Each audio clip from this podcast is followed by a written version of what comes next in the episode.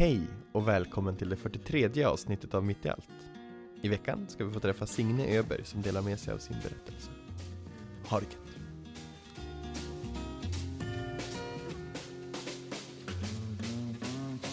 Slow down, you move too fast. You got to make the morning last. Just kicking down the cobblestones, looking for fun and feeling groovy.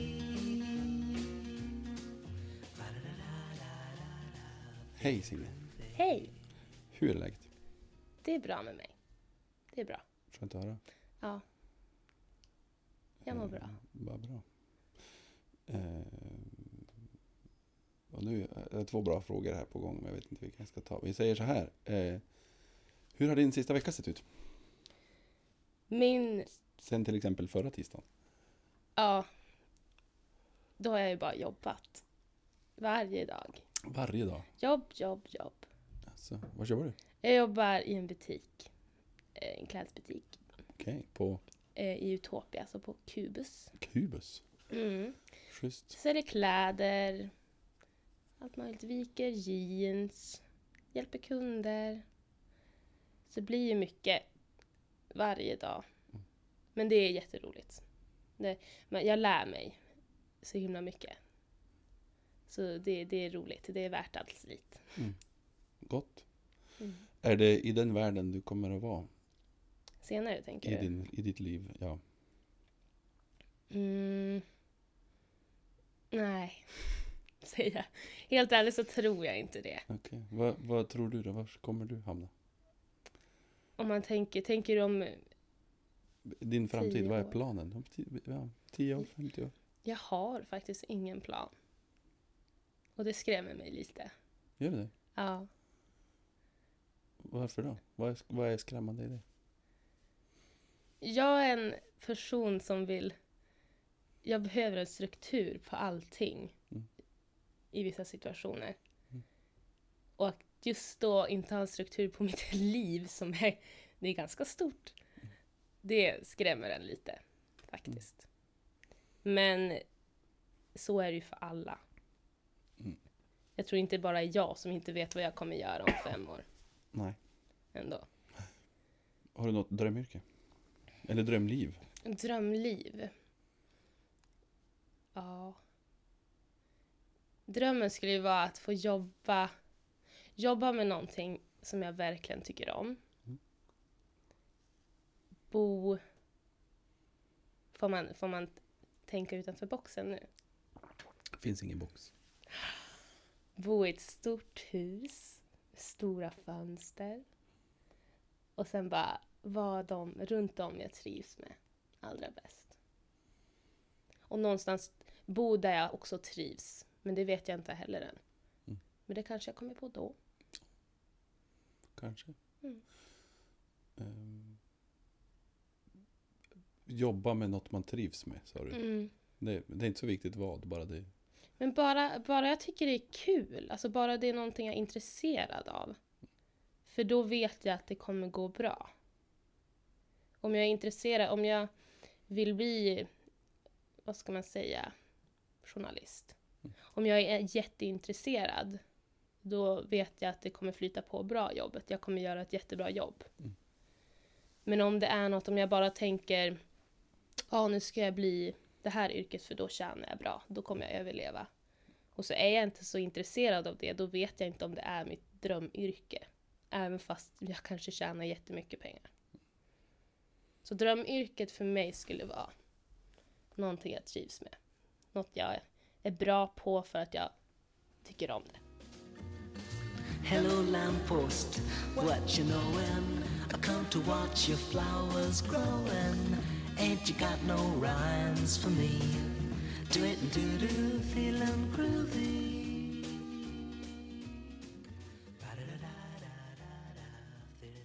Men eh, om vi då hoppar till, till nuet. Eh, Mm. eh, jobba med något man är intresserad av. Eh, vad är du intresserad av? Sådär, vem är Signe Öberg? Berätta om dig själv. Ja, Signe Öberg är en tjej på 19 år just nu. Och jag är har alltid varit intresserad av sport. Det har jag. Har alltid hållit på med fotboll, innebandy. Och nu när jag inte går i någon av de sporterna så spelar jag beach, jag spelar squash, jag spelar ja, allt möjligt roligt. Testa på nya saker. Kanske inte jättebra på dem, men jag gillar det ju. Men det är bollar som är grejen. Ja, det, bollar är kul. Allt med bollar är kul. Kasta, spela, skjuta. Sen så gillar jag även musik. Jättemycket. Jag har ju gått i musikklass på Grubbe. Så gick jag där i högstadiet. Och sen så gick jag i musik på Midgård nu. De tre sista åren i gymnasiet. Det blir en del musik med andra ord. Mm. Men jag har ju aldrig tröttnat utan det, det har ju bara blivit roligare och roligare. Så musik är jag väldigt intresserad av. Jag kanske inte är jätteduktig på musik. Men det är ju någonting jag gillar väldigt mycket. Så då, då skiter jag i hur bra jag är. Mm. Då kör jag på ändå. Precis. Det är väl gott. Det är gott. Så. Mm. Ehm, viktiga personer i ditt liv? Det är en svår fråga. Mm. Jag måste nog säga mina vänner. För det är mina vänner jag alltid lutar mig tillbaks mot när jag har problem. Visst, min familj är också jätteviktiga personer i mitt liv. För de ger mig stöd på annat sätt. Men om man tänker just den här perioden jag är i just nu, den här tonårsperioden, vuxenperioden, allt det, då, då tycker jag stödet från mina vänner är mycket, kanske inte bättre, men det ger mer. För just det. De är kanske i samma situation? Precis, för de, de, de är i samma situation. Mm. Så vi, hela mitt gäng, vi känner ju varandra. Så då vet vi ju vad vi behöver. Och så. Vi är mer förstående som för varandras situationer. Så mina vänner är just nu väldigt viktiga för mig. Eh, Men mina föräldrar är också viktiga. När jag, jag behöver dem stöd. Mm. Och de är också några som man ser upp till väldigt mycket. Vad de, för de har ju varit med om mycket mer i livet än vad jag har. Mm. Så på det sättet behöver man ju som dem. Som, en, som något att se upp till. Ändå. Många syskon har du? Jag har två syskon. Och du är i ordningen Sist. sist. Jag är lillen. Du är lill, lilla systern. Ja. De är ju... Min bror är sju år äldre än mig. Min syster är sex år äldre än mig. Så jag är en liten sladdis. Så det är som så här extra föräldrar nästan. Mm. Just nu känns det faktiskt som att de är lite extra föräldrar. Speciellt min syster. Okej. Men det är ju bra för... Eller kanske var mer när jag var 15. Och då var hon över 20. Hon var ju mycket mognare än vad jag var. Det är hon delvis nu också. Men Mm. Det är väl som det ska vara kanske. ja, det är nog så det ska vara. Men då blev hon som en liten extra mamma för mig. Men nu, ju äldre vi båda blir, desto närmare kommer vi varandra i personligheter också. Så det blir som, hon blir väl mindre och mindre än mamma. Och Ändå. mer, och mer och mer. Inte mer och mer än syster, för det har hon ju alltid varit. Men Ja. jag tänker bara mer och mer en närmare kompis, kanske. Kan Skönt. prata om mycket mer saker då. Och så. Hur är det att vara minst? Det kan både vara bra och dåligt, Ja. tänker jag. Ja. Ehm, det bra är väl att jag har som en mall att gå efter ändå lite. Mina föräldrar vet som, de har mer koll på vad man får göra och vad man inte får göra eftersom de har haft två till barn Mm. som har gått igenom samma, samma resa. Så det är väl skönt på det sättet att mina föräldrar är ändå ganska tydliga med vad jag får göra och får inte göra. Då kanske jag får göra mer eller mindre saker än vad mina syskon har fått göra för att jag är minst. Men annars när man är yngst, som jag sa tidigare, så blir det som att jag har två extra föräldrar. Och när jag var till exempel när jag var sex, då var ju mina, mina syskon i tonårsperioden började bli, började bli lite äldre. Så då blev det mycket ret. Tog mina gosedjur, snurrade min favorithund i svansen. Inte okej. Så då... Det var väl lite sämre det här med Mm. att bli retad och skoja med en när man inte förstod riktigt typ ironi och vad skämt var. Men om man ska sammanfatta det så är väl man ändå ganska nöjd med att vara yngst. Skönt. Mm. Eh, Äldre syskon, är min erfarenhet, har ju en tendens att tycka att de yngre, de får ju alltid som de vill. Mm. Så när, och när, när jag fick börja vara ute till klockan tio, då fick ju också lillan det samtidigt, fast den Mm. mycket tidigare i, i, i sitt liv. Men det känner jag ändå igen. Är, är det så? Alltså jag... Jo. Men det var väl mer på, på sätt jag kommer ihåg. Det jag kommer minns av det här det är att min bror brukade alltid säga bara När jag var så lite som du Signe, då fick inte jag sitta upp och se det här programmet när klockan var nio. Mm. Så bara, varför, varför får du göra det? Och jag vet inte vilket program det handlade om, men men det var, det var klockan nio i alla fall och det, det fick inte han göra. Så det, det var väl lite så. Att gränserna blev ju lite bredare Mm. hela tiden. Att jag fick göra lite mer saker. Det är vad jag har hört i alla fall. Men det är inget jag minns så här just nu. Det är kanske en större grej för Mm. det äldre syskonet. Jo men jag tror faktiskt det. Ja, spännande.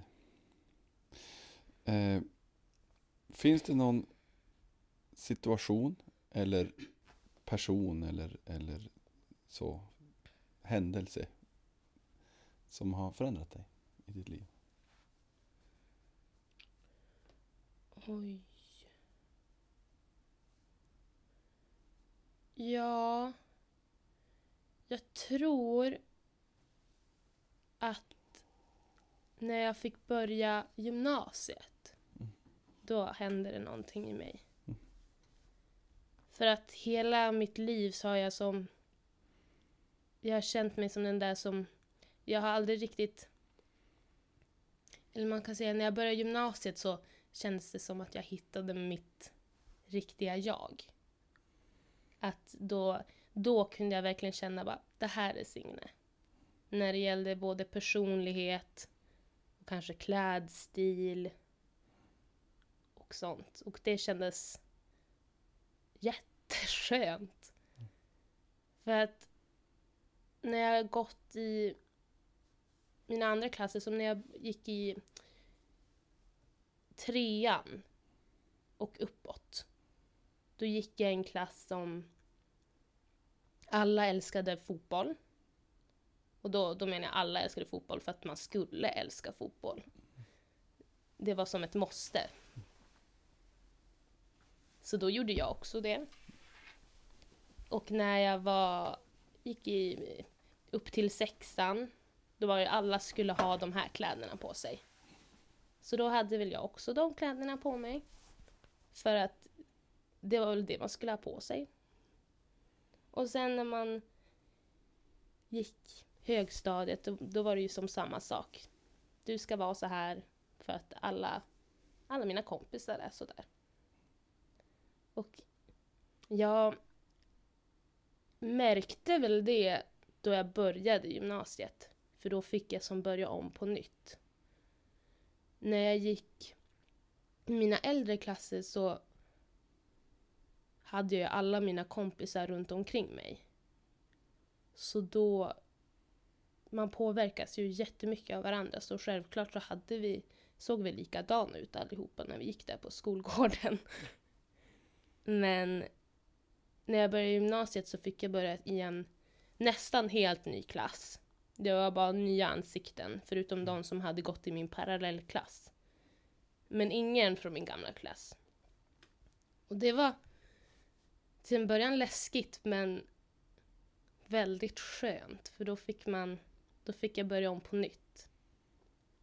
Och då lyckades jag hitta den där personligheten, eller min, min egna personlighet, den kom fram. För att det känns... Jag skulle ju inte, även fast jag visste vilken personlighet jag hade i högstadiet så kan jag ju inte bara från en dag till annan byta kände jag. För att då skulle ju folk tro att jag blivit galen eller någonting. Mm. Vad har hänt med Signe? Men när jag började på gymnasiet då blev det som, börja om på nytt. Och det var så skönt. När jag typ, jag blev ju bara mer och mer självsäker också i mig själv då. För det kan ha varit en grej när jag var, när jag var yngre att jag, om jag inte var självsäker, det var därför jag följde efter alla andra. Det var därför jag klädde mig sådär, för jag visste att det var så man skulle klä sig. Jag var väl inte riktigt modig nog att gå min egna lilla väg och om jag ville ha en tröja som kanske inte var inne just då, då hade jag inte det. Så det, början, början av gymnasiet tror jag var en tid som förändrade mig. Jag började tänka på nytt. Och det är jag glad över. Det var just bara bytet till ny skola. Som, ingen Mm. person, ingen... Som har, det kom ur dig själv. Mm. Jag tror det kom ur mig själv, ja. För att jag umgick, alltså jag umgicks fortfarande med de personer som jag alltid hängde med. Mm. Med mina bästa vänner och jag tror aldrig, jag tror aldrig att de hade tyckt att det var konstigt om jag hade hittat mig själv tidigare. Absolut inte, men det var ju bara jag själv som övertänkte alldeles för mycket. Tänker jag. Att det hade, hade säkert inte varit en konstig grej. Utan det, hade väl bara, det var väl bara svårt för mig själv tror jag. I got no deeds to do, no promises to keep. I'm dappled and drowsy and ready to sleep. Let the morning time drop all its petals on me. Life, I love you, all is groovy.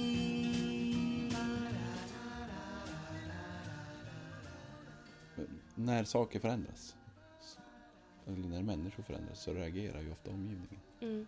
Då, eh, I din klass så fanns det ingen som kunde reagera, för de kände inte den Signe som fanns innan. Mm.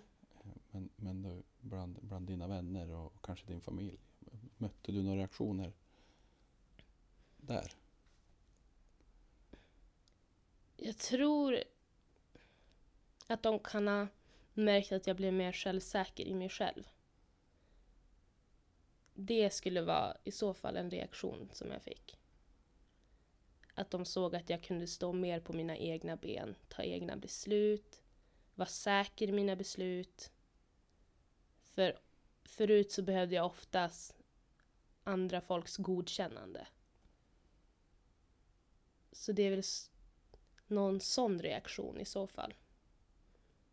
För de, alltså mina närmsta vänner, de har ju alltid vetat vem jag är.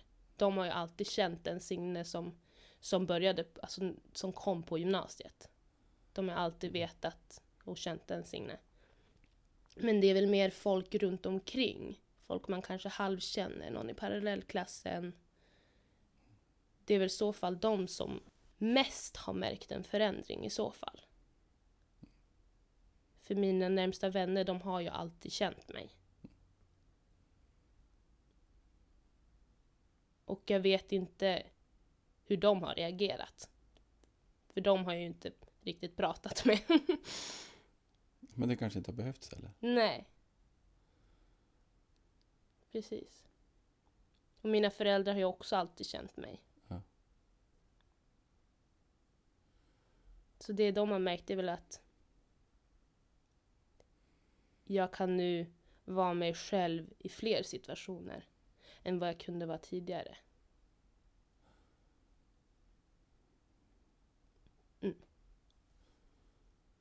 Det är fantastiskt fint att kunna säga så om sina, både sin familj och sina vänner. Ja. Ja, men jag är tacksam att jag har dem. De är de finaste. Eh, den här eh, osäkerheten, har, har den begränsat dig mycket? Så Ja. att du har blivit påverkad av det? Ja, ja, ja. Det är, det är en självklarhet. Berätta. Men det är ju alltid den här alltid funnits i mig rädslan om vad folk ska tycka om mig. Och så. Att man ofta söker kanske efter den där bekräftelsen. Så att man kan få ett, ett lugn i sig själv. Typ om jag kanske har upp... Om jag har sjungit på scen någon gång. Mm. Då om ingen säger någonting efteråt kan jag känna nu, för det ligger fortfarande kvar i mig. Mm. Så blir jag, då blir jag lite rädd. Bara, Oj, det här var inte bra. För då kan jag inte riktigt... Jag känner fortfarande att ibland kommer det tillbaka att jag kan inte riktigt tro på mig själv. Så då blir jag, då blir jag lite rädd och tänker Nej men nu, nu det, det där var jättedåligt. Bara, varför gjorde jag det där? Det där skulle jag inte ha gjort. För jag, nej, nu ska jag inte sjunga på scen någon gång igen. Det är ju alltid... Jag söker ju fortfarande, som många andra gör, efter den här lilla bekräftelsen. Bara för att känna ett litet lugn. Men det kan vara alltså bara något litet om någon bara “bra jobbat”. Då släpper allt. Då bara “åh, men någon annan tyckte, tyckte att det var bra, bra jobbat”. Vad skönt. Bara, det här är kul. Men när jag var yngre då kanske krävdes mer. Att jag kanske skulle få från... Då, om om jag hade gjort det jag var yngre, då kanske jag skulle vilja ha det från flera personer för att känna det här lugnet. Men nu genom åren så, så har jag ju väl ändå lärt mig och tro på mig själv mer. Så då kanske det bara krävs det här lilla från en person. Bra jobbat. Mm. Men det ligger ju fortfarande någonting inne i mig. För om man har varit osäker jättelång tid av sitt liv, då blir det ju som svårt att bara... Då krävs det ju inte bara att byta skola för att man ska bli hur självsäker som helst. Det kan inte bara, jag bytte klass och jag blev världens självsäkraste person. Utan självklart så ligger du kvar. Mm.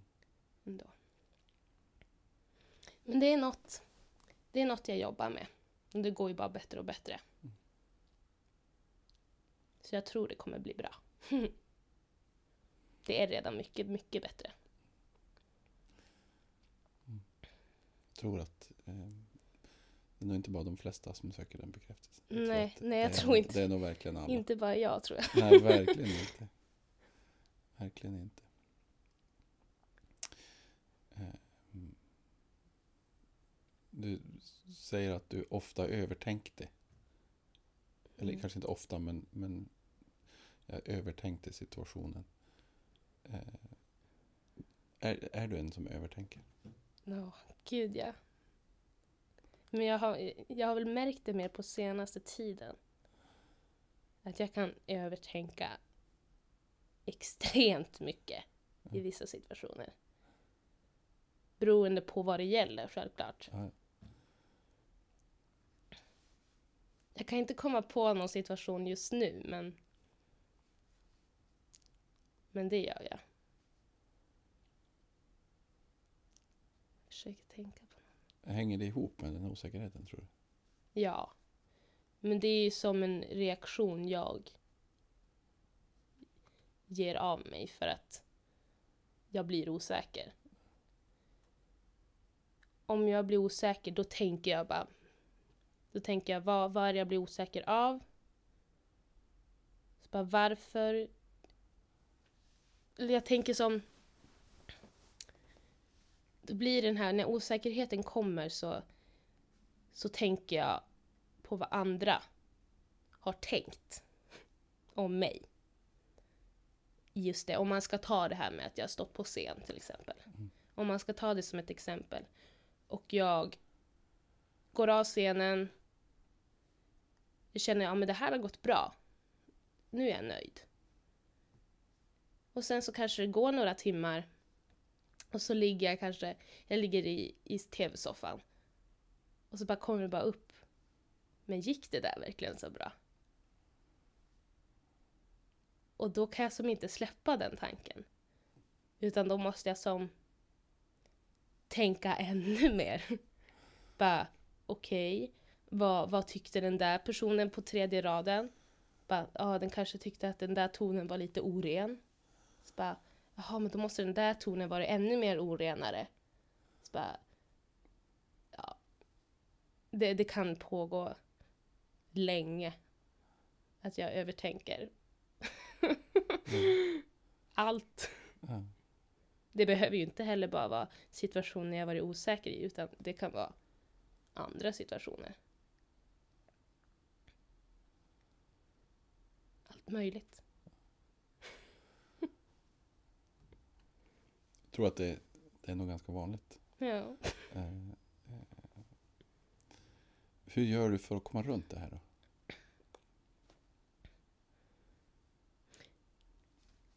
Mm, Jag känner att det är inte jättelätt att komma runt sånt där själv. För när man väl har börjat tänka, då, då, det är ju en ond cirkel. Man fortsätter ju bara tänka, tänka, tänka, tänka. Så jag måste... Det lättaste sättet att komma runt det där, det är att höra någonting ur någon annans perspektiv.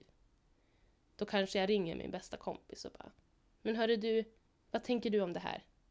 Bara, jag, jag kan inte tänka längre, kan du inte bara säga vad tycker du helt ärligt om det här? Och så fort jag fått höra hennes hur hon reflekterar över det, då, då kan det bara slå mig bara, men just det, självklart. Men det där var ju inte så konstigt. Så det, det, jag hjälp, jag får mycket, eller jag kan ta, ta mig ur det genom att bara få höra någon annans tanke. För då kanske det kommer något nytt som sätter stopp för den där, det där hjulet som bara rullar och rullar. kommer en tanke och bara sätter stopp för det. Så stannar det. Så blir allt självklart. Skönt. Ja. I många fall är det väldigt skönt. Eh, eftersom du kommer tillbaka till exemplet att stå på scen Mm. så måste jag fråga om det. Eh, trivs du på scen? Nu trivs jag på scen jättebra. Förut, eller jag, jag har ju alltid, jag har alltid varit en liten spexare. Mm. Så jag trivs ju att showa och stå på scen. Men när jag var yngre så var det kanske inte... Då, då var jag ju mer nervös när jag skulle stå på scen. För då var det ju också det här med att man trodde inte på sig själv lika mycket. Man visste inte om man var bra eller dålig. Så då, då var man ju självklart mer osäker när man stod där och bara har lampor mot sig.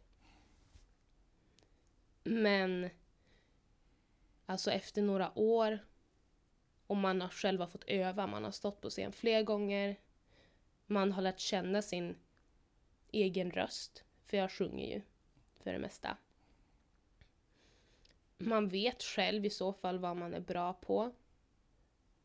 För man under musikgymnasiet, när jag, när jag gick på gymnasiet, då har jag ju fått träna på det jag är bra på. Jag har fått träna på det jag är mindre bra på.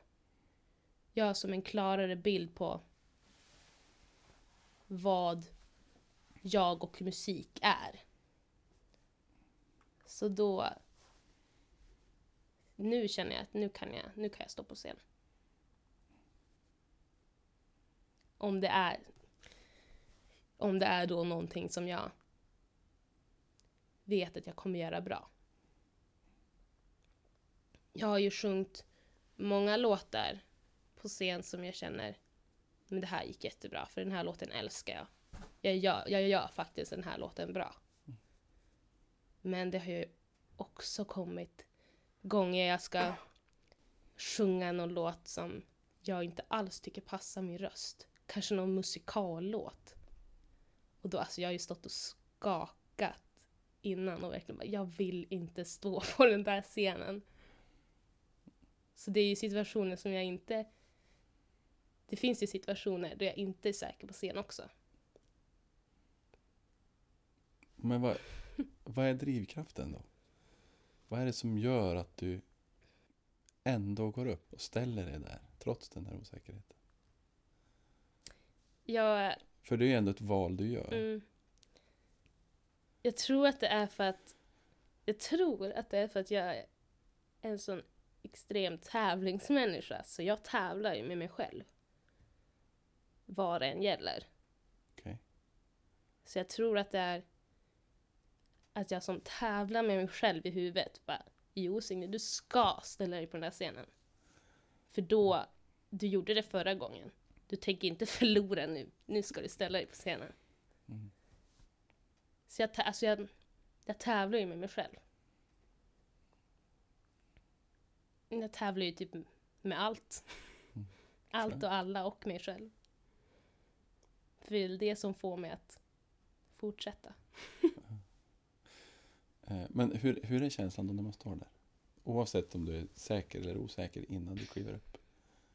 Och så eh, gör du din grej om du sjunger eller om du Mm. spelar eller, eller om du spexar. Eller, Mm. hur känns det efteråt? Eller Det under beror tiden? Det beror ju på hur det har gått. Ja, men det, mm, känslan är ändå positiv. Om pu- publikens Mm. reaktion är... Då vill man ju bara stanna. Då vill man ju bara fortsätta. Stå där och sjunga. Jag tar en till låt. Och sjunga ännu mer. Ja. Eller spexa ännu mer.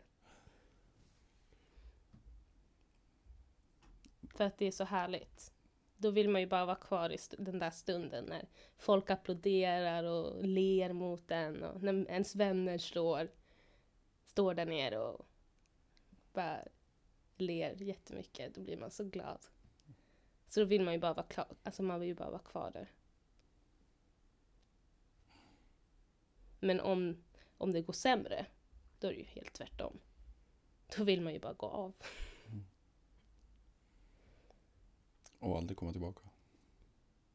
I så Eller fall komma tillbaka och göra världens som... show. Ja. Ja, då vill jag ha revansch.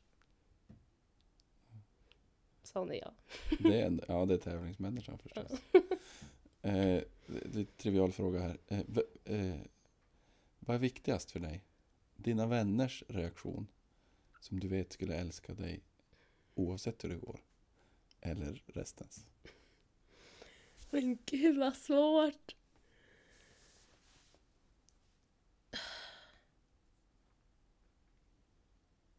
Jag tror att nu skulle det vara mina vänners reaktion. Förut, för några år sedan, skulle det vara restens reaktion. För då blev det ju mer att man brydde sig om vad alla tyckte. Mm. Men om jag nu skulle uppträda på scen och mina vänner skulle, skulle bara ah, du har gjort bättre. Då, då, skulle jag, då skulle jag bli ledsen. Mm. Så mina vänners reaktion tycker jag den är viktig. Men jag vet ju, jag vet ju att de stöttar mig. De skulle ju inte stå och såga mig efter jag stått på scen. För de känner ju mig. De skulle inte heller stå och ljuga för mig. Men de skulle i så fall säga allt på ett bra sätt. Men just nu att höra det från dem, eh, det är ju viktigt för mig. Ändå. Inte att jag, det, jag säger inte att jag kräver att de ska säga någonting, utan bara att de visar att de, de vi, jag och mina vänner, vi har, vi visar ju varandra att vi uppskattar varandra. Det tycker vi är viktigt, att peppa varandra och så. Så att de åsikter är ju självklart i så fall viktigare för mig än, än alla andras. Ändå. I got no deeds to do, no promises to keep. I'm dappled and drowsy and ready to sleep. Let the morning time drop all its petals on me. Life, I love you, all is groovy.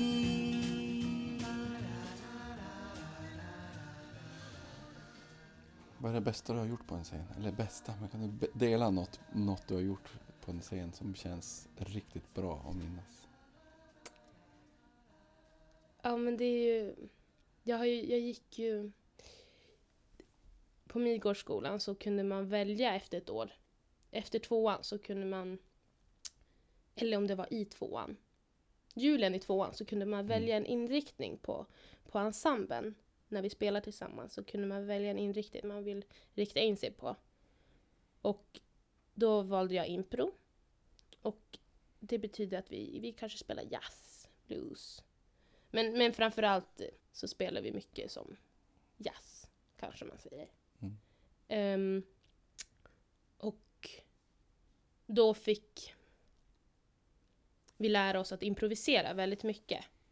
Läraren säger till instrumentalisterna att de ska spe, spela det här i den här skalan, så spelar ni de här ackorden om och om igen. Och en och en så ska jag peka på någon och den ska börja sjunga eller spela ett solo. Det var första lektionen. Uh, ja.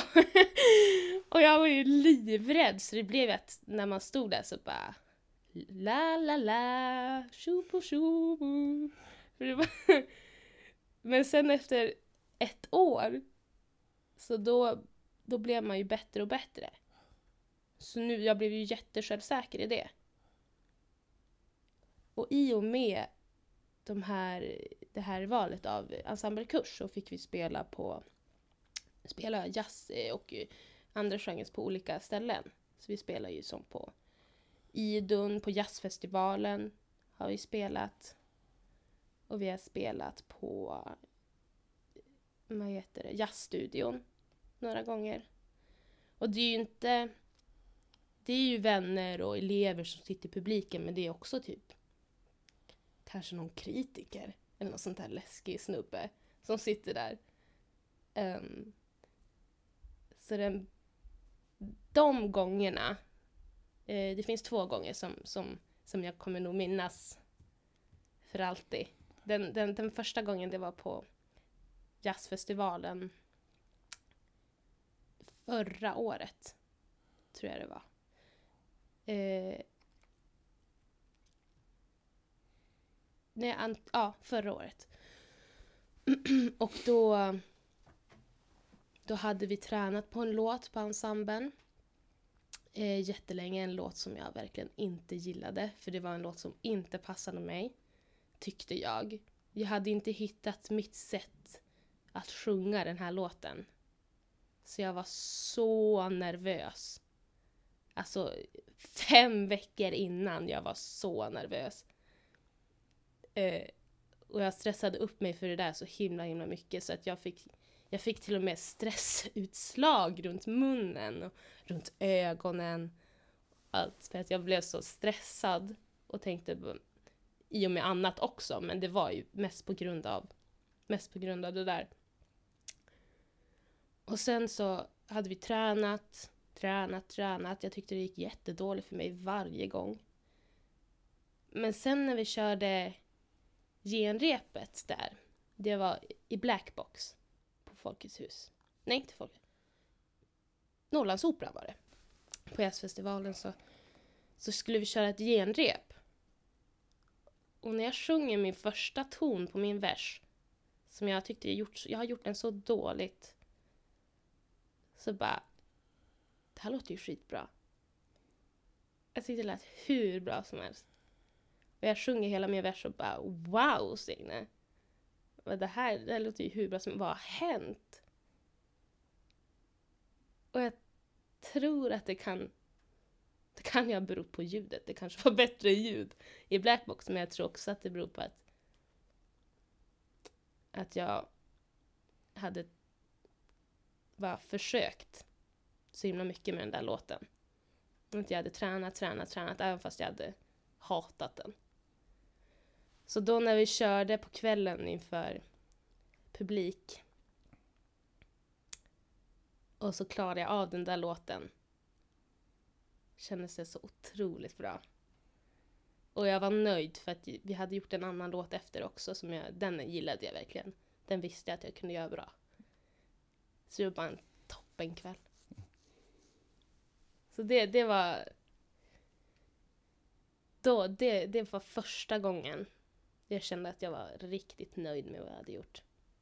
För jag visste hur svår den där låten var. Och att jag lyckades göra den och var nöjd. Då blev man ändå lite stolt över sig själv. Så det, det var, det var för den bästa gången. Det var det. Sen så har vi ju spelat den andra gången var när vi spelade på jazzstudion bara i våras. Och då, då var det sista spelningen någonsin med det där gänget innan vi tog studenten. Så vi alla tänkte bara, men nu kör vi hårt. Och det var så otroligt kul. Då satt ju alla musiklärare där nere och så satt, satt massa andra stammisar på jazzklubben. Satt där och hade beställt något, någon glas vin och någon nachotallrik och satt som åt medan de kollade på när vi spelade. Och det var... Det var... Det gick bra. Och då, det var så kul. För det gick bra för, det gick bra för alla. Och vi var så stolta över oss själva. Att... Sorgligt att det var sista spelningen när det gick så pass bra. Men det var jättekul. Does this sound like something I've said before? Is this somehow familiar to you? Going down the road just to find more beginnings around the bend, more stories to go through.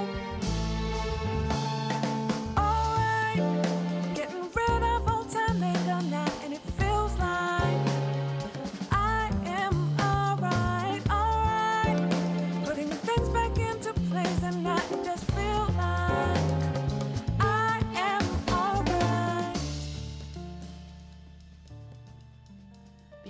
nostalgisk när jag bara tänker tillbaka på det. Sitter här och ler. Det är härligt. Ja. Du ska få frågan från förra gästen. Okej. Om ditt liv var en bok som du fick. Skulle du då läsa slutet på den? Innan du börjar? Nej. Inte? Varför det? Nej. Tänk om jag dör? Ja, det kommer du att göra. Det är där den slutar. Jag vill inte veta. Tänk om jag dör vid 45 års ålder? Det vill inte jag veta. Det hade ju varit coolt att veta till exempel vad jag jobbar med. Om jag får någon barn. Om jag blir en söt liten pensionär. Men jag vill inte veta.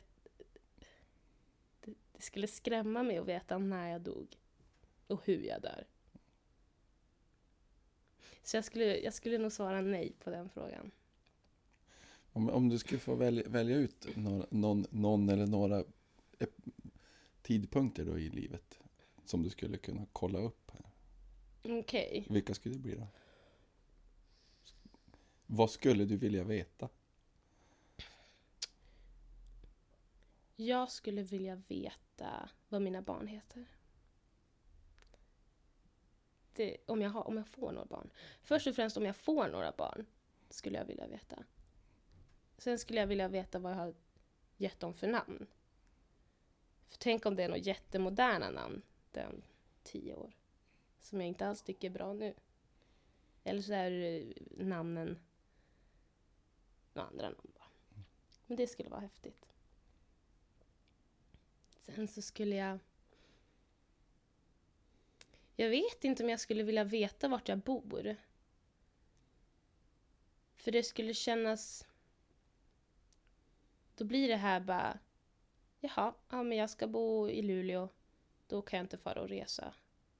Jag ska ändå bo i, i Luleå om fem år. kommer jag ju inte hinna. Så det känns, jag skulle inte vilja, det känns som att jag skulle bli så fast vid vad jag ska göra om jag får veta saker. Hur de kommer bli i framtiden. Så det känns som att jag inte kommer hinna göra någonting. Så jag skulle inte vilja, jag skulle bara vilja veta om jag får barn. Mm. Och en man. Längtar du efter barn? Eller längtar, men vill du ha barn? Ja. Jag älskar barn. De är så söta. Eh, du ska få ställa en fråga till nästa gäst. Ja. Min fråga är om du skulle få uppleva ett minne från ditt liv en gång till. Vilket skulle det vara? Och skulle du gjort någonting annorlunda? Och då ska du såklart få svara på den frågan själv. Ehm.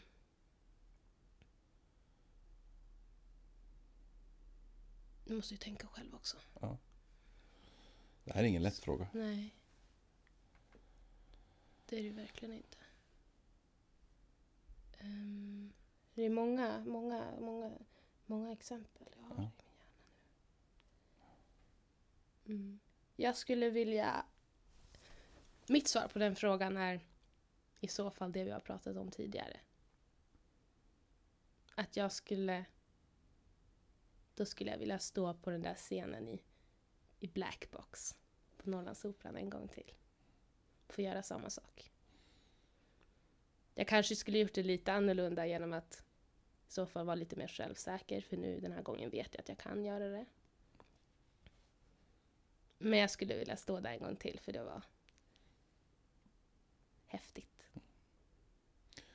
Kan du minnas eh, när du hade gjort det där som du var så osäker på Mm.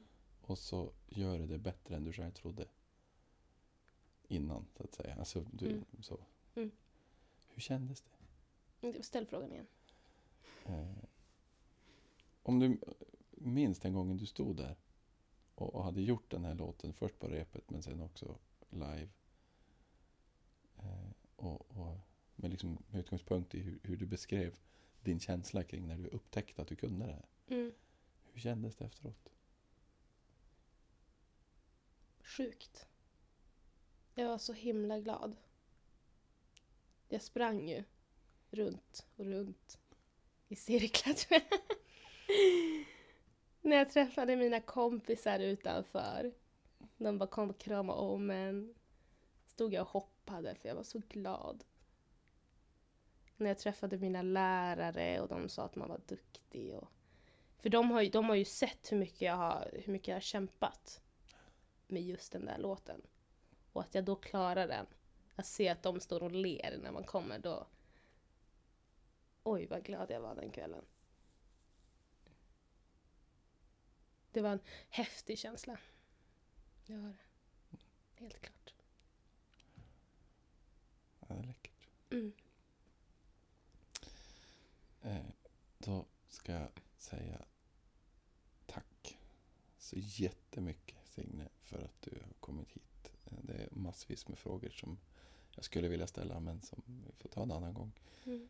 Eh, tack för att du har kommit hit och delat med dig av dina tankar. Tack för att jag fick komma hit. Det var skönt att få reflektera. Lite så här. Och vad bra. Ska avsluta med att du ska få välja en låt som avslutning på den här podden. Eh, Ja. Vilken låt och varför får du gärna berätta. Jag har valt en låt som heter Wrapped in Piano Strings av Radical Face. För att nu mot i hösten, varje gång det blir höst så lyssnar jag på honom. För han har så mysiga, enkla och mysiga låtar. Som passar perfekt till vilken känsla man har under hösten. Så den, den, den vill jag spela nu. Så att alla andra ska få uppleva den känslan. I saw your father in the hall His ghost is living in the walls